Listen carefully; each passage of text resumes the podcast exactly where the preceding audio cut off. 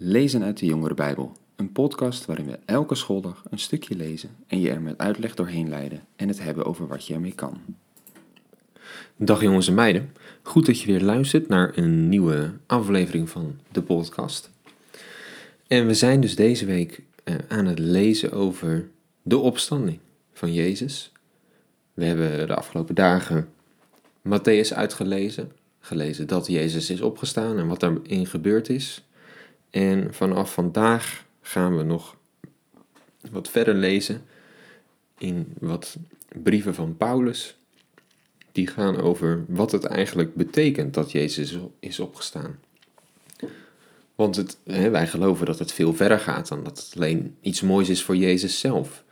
Het is iets dat uiteindelijk de kern is van waar de hele boodschap om draait. Nou, en vandaag en morgen gaan we lezen uit de eerste Korinthebrief, want daar gaat Paulus het eigenlijk daarover hebben, over wat is nou de kern van het evangelie en waarom is het zo belangrijk. Ja, dus daar, dat is een mooie plek om verder te lezen. In 1 Korinthe 15, we beginnen gewoon bij vers 1. Daar staat, Broeders en zusters, ik herinner u aan het evangelie dat ik u verkondigd heb dat u hebt aangenomen dat uw fundament is en uw redding. Als u tenminste vasthoudt aan de boodschap zoals ik u die verkondigd heb. Anders bent u te, vergeefs tot geloof gekomen. Het belangrijkste dat ik u heb doorgegeven, heb ik op mijn beurt ook weer ontvangen: dat Christus voor onze zonde is gestorven, zoals in de schriften staat. Dat hij is begraven, dat hij op de derde dag is opgewekt zoals in de schriften staat. En dat hij is verschenen aan Kefas en vervolgens aan de twaalf.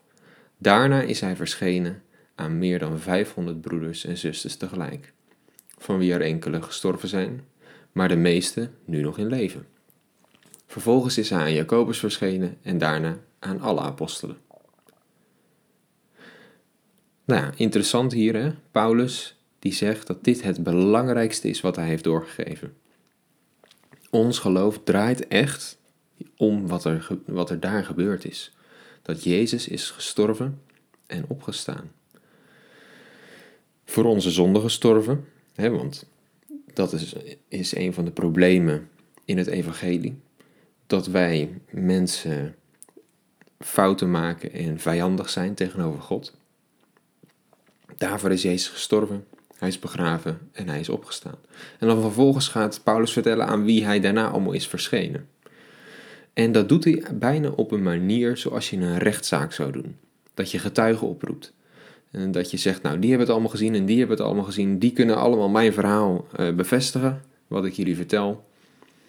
En hij zegt dus, nou ja, we kennen wat verhalen hè, van Jezus die nog verschijnt na zijn opstanding. Aan zijn discipelen, aan de vrouwen, aan wat andere mensen. Paulus noemt er hier een paar, niet eens volledig, maar hij zegt dus dat Jezus op een gegeven moment zelfs aan 500 mensen tegelijkertijd zichtbaar werd. Nou, waarom is dat zo interessant? Kijk, vorige keer, toen hadden we het er al over, dat in die tijd ook zijn tegenstanders eigenlijk niet ontkenden dat het graf leeg was, maar ze hadden een andere verklaring daarvoor. Ze zeiden: het lichaam is gestolen door de apostelen, door, de, door zijn discipelen. Dus ja, het graf is leeg, maar hij is niet opgestaan. Het lichaam is gestolen. En Paulus die gaat hier dus eigenlijk bijna een soort juridisch een bewijs geven dat Jezus is gezien in levende lijven door heel veel mensen. En niet, uh, die bewering ging dus rond, maar die mensen die Jezus allemaal gezien hadden, tot wel meer dan 500 mensen, Daarvan, zijn de meesten nog in leven. Dus eigenlijk zegt Paulus hier: Jongens, ik heb jullie dit verteld en het is niet zomaar een verhaal wat ik vertel. Er zijn heel veel mensen die dit gezien hebben, en hij noemt er een aantal op. En meer dan 500 mensen kunnen bevestigen wat ik zeg. De meeste zijn nog in leven. Ga maar naar ze toe als je het niet gelooft. zo komt het eigenlijk over. In een rechtszaak vandaag, als er zo ontzettend veel getuigen zouden zijn van wat er gebeurd is, ja, dat zou voldoende zijn. Dat zou overtuigend zijn. Ja, bizar hè? Vorige keer zagen we dus, ja, het graf is daadwerkelijk leeg. En hier voert Paulus een, nou ja, een uh, bewijsvoering op waar je bijna niet omheen kan. Dus je zou in die zin bijna kunnen zeggen: hebben we bewezen dat Jezus echt is opgestaan als zoveel ooggetuigen daarvan spreken? Mooi hè, om er zo over na te denken. Maar laten we nog een klein stukje verder lezen. Want Paulus gaat verder en hij zegt: Pas op het laatst verscheen hij ook aan mij, misgeboorte die ik was. Want ik ben de minste van de apostelen. Ik ben de naam apostel niet waard, omdat ik Gods gemeente vervolgd heb. Maar door zijn genade ben ik nu wat ik ben.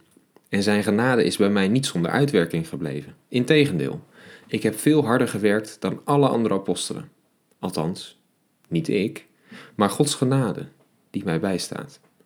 In ieder geval, of zij het nu zijn of ik, wij verkondigen allemaal de boodschap die ik u verkondigd heb. En door die boodschap bent u tot geloof gekomen. Ja, Paulus noemt als laatste ook zichzelf. Toen hij uh, in zijn jonge jaren in aanraking kwam met de boodschap, was hij in eerste instantie heel vijandig.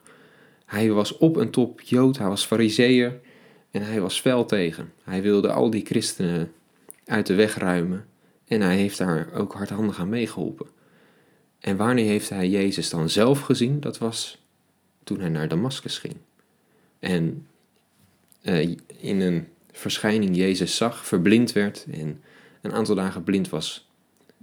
En daarna ging hij juist wel als een apostel het evangelie wat hij ook hier opschrijft verkondigen.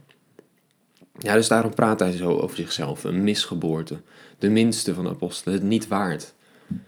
Want ja, hij heeft de Gods gemeente vervolgd. En juist hem, juist hem kiest God uit. Iemand die wij allemaal links zouden laten liggen, waar we een hekel aan zouden hebben. Degene die wij nooit zouden kiezen, die gebruikt God. En eigenlijk doet hij dat altijd. Kijk ook maar eens naar wat voor soort mensen die apostelen waren. Dat waren allemaal gewone mensen, vissers, analfabeten of het waren tollenaars. Ook mensen die uh, we liever rechts zouden laten liggen. Allemaal mensen die wij zouden afschrijven. En juist die, die uh, kiest God eruit om de wereld te veranderen door die boodschap. Maar ook Paulus zelf is dus een getuige van alles wat er gebeurd is en dat Jezus is opgestaan. En dan gaat hij nog verder. Maar wanneer nu over Christus wordt verkondigd dat hij uit de dood is opgewekt, hoe komen sommigen van u dan zeggen dat de doden niet zullen opstaan? Als de doden niet opstaan, is ook Christus niet opgewekt. En als Christus niet is opgewekt, is onze verkondiging zonder inhoud en uw geloof zinloos. Dan blijkt dat wij als getuigen van God over hem hebben gelogen, omdat we verklaard hebben dat hij Christus heeft opgewekt. Want als er geen doden worden opgewekt, dan kan hij, niet, dan kan hij dat niet hebben gedaan. Wanneer de doden niet worden opgewekt, is ook Christus niet opgewekt.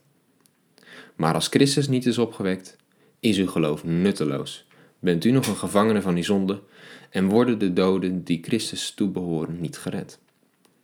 Als wij alleen voor dit leven op Christus hopen, zijn wij de beklagenswaardigste mensen die er zijn. Het ging dus rond in die uh, gemeente in Korinthe.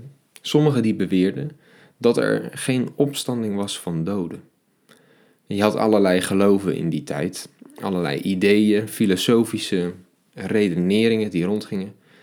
En er waren dus ook stromingen die niet geloofden in doden die opstaan. Dat was op een andere manier geregeld.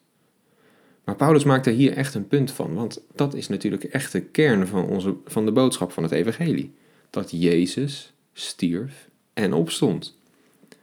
En dat is zo belangrijk.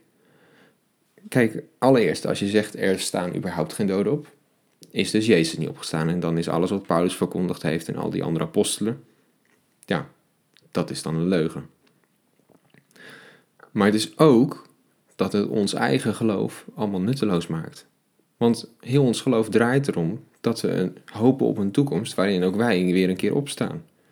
Het leven nu is niet perfect, dat zal het ook niet worden. Maar wij verwachten die toekomst met, met Jezus zelf. Dus ja, als dat er dan niet blijkt te zijn, het geloof is nutteloos. Waarop hopen we op de dingen die God beloofd heeft als ze nooit zullen plaatsvinden? En bovendien, eh, wij denken dat Jezus voor onze zonde is gestorven. Dat hij dat probleem van die zonde, waar we in vast zaten, dus dat we een leven leefden voor onszelf, daarin fouten maakten. We zeggen altijd, ja, doordat Jezus is gestorven en opgestaan, hebben we ook wij een nieuw leven. En kunnen we op een nieuwe manier in het leven staan en anders dat gaan doen. Nou, als dat allemaal op een leugen is gebaseerd, ja, dan blijkt dat ook niks, niks waar te zijn. En dan zegt Paulus nog, als het alleen voor dit leven zou zijn en er is geen toekomst waarop we hopen, ja, dan zijn we de beklagenswaardigste mensen die er zijn. Je moet je voorstellen dat de apostelen, ja, die zetten alles opzij om die boodschap te gaan verkondigen. Zij hadden, zij hadden last van armoede, van mensen die hun het leven zuur maakten en hun zelfs wilden doden. Hun leven hier op aarde, dat gooiden ze eigenlijk weg om maar die boodschap te verkondigen en zich uit te strekken naar dat wat ze hoopten op de toekomst. Nou, als dat er niet is, dan hadden ze hun leven echt verspild. En dus, zegt Paulus, dan zouden wij de beklagenswaardigste mensen zijn die er zijn. Ja, als dat er niet zou zijn, hè, een leven straks, wat heeft het geloven dan nog voor zin? Maar dat laat dus gelijk zien hoe belangrijk het is dat Jezus stierf en opstond. Daar draait alles om. Daar draait de toekomst om. Daar draait onze redding om. Dus laat het vooral niet zo zijn dat er geen opstanding is. Nou, daar gaat Paulus volgende keer nog verder over schrijven. Maar dat is voor morgen. Tot dan.